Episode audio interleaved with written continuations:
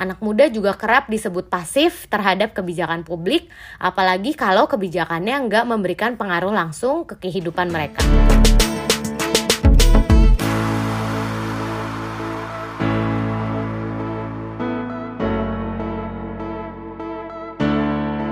Halo teman-teman golongan putri, selamat datang di episode spesial 17-an Podcom Podcast Putri Komarudin.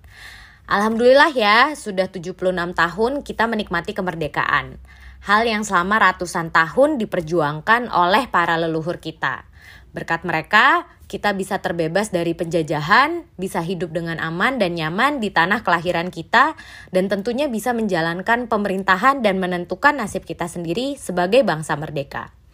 Aku rasa kita harus bangga karena sejauh ini kita bisa mempertahankan kemerdekaan yang kita miliki dan merupakan tanggung jawab kita sebagai anak muda untuk mengisi kemerdekaan dan meneruskan pembangunan agar negara kita menjadi tempat yang lebih baik ketika diwariskan ke anak cucu kita nanti.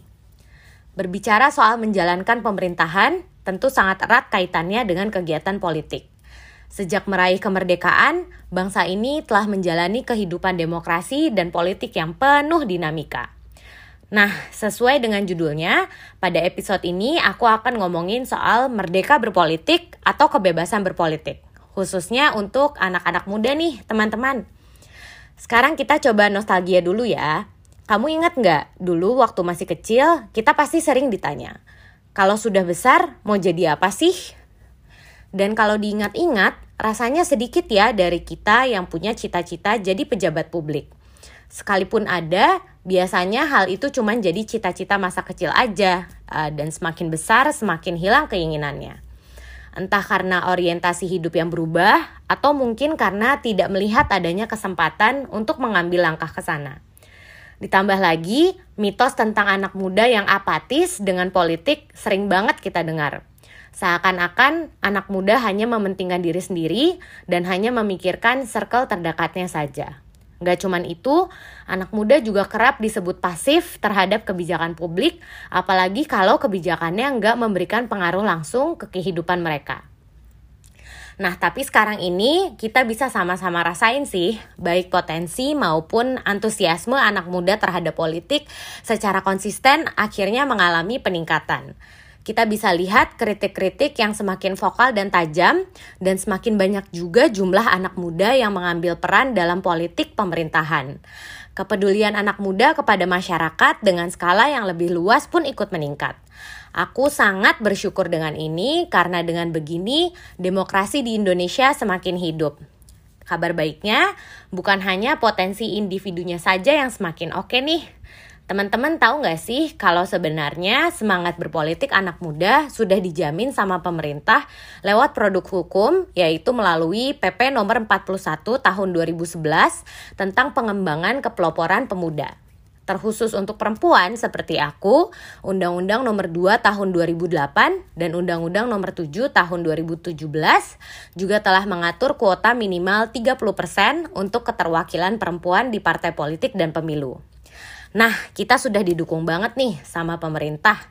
Momentum ini juga disambut hangat oleh partai politik, terutama Partai Golkar. Pintu kaderisasi dibuka lebar untuk generasi muda dan perempuan bisa menempati berbagai peran strategis dalam organisasi kepartaian. Untuk peningkatan kapabilitas individu, Golkar juga menginisiasi sekolah pemerintahan dan kebijakan publik yang terbuka untuk umum, namanya Golkar Institute. Salah satu tujuannya adalah untuk mempersiapkan diri sebelum kita terjun langsung ke kontestasi politik. Kemerdekaan berpolitik ini juga progresnya nyata loh, ditunjukkan oleh Indeks Demokrasi Indonesia 2019 yang dirilis oleh BPS. Variabel hak memilih dan dipilih dalam aspek politik mengalami peningkatan dari tahun ke tahun. Saat ini berada pada poin 75,7, meningkat 3,5 poin dari tahun sebelumnya. Jadi, sekarang semua orang sudah punya kesempatannya. Kita bisa benar-benar merasakan dan merayakan kemerdekaan dalam berpolitik dan bernegara.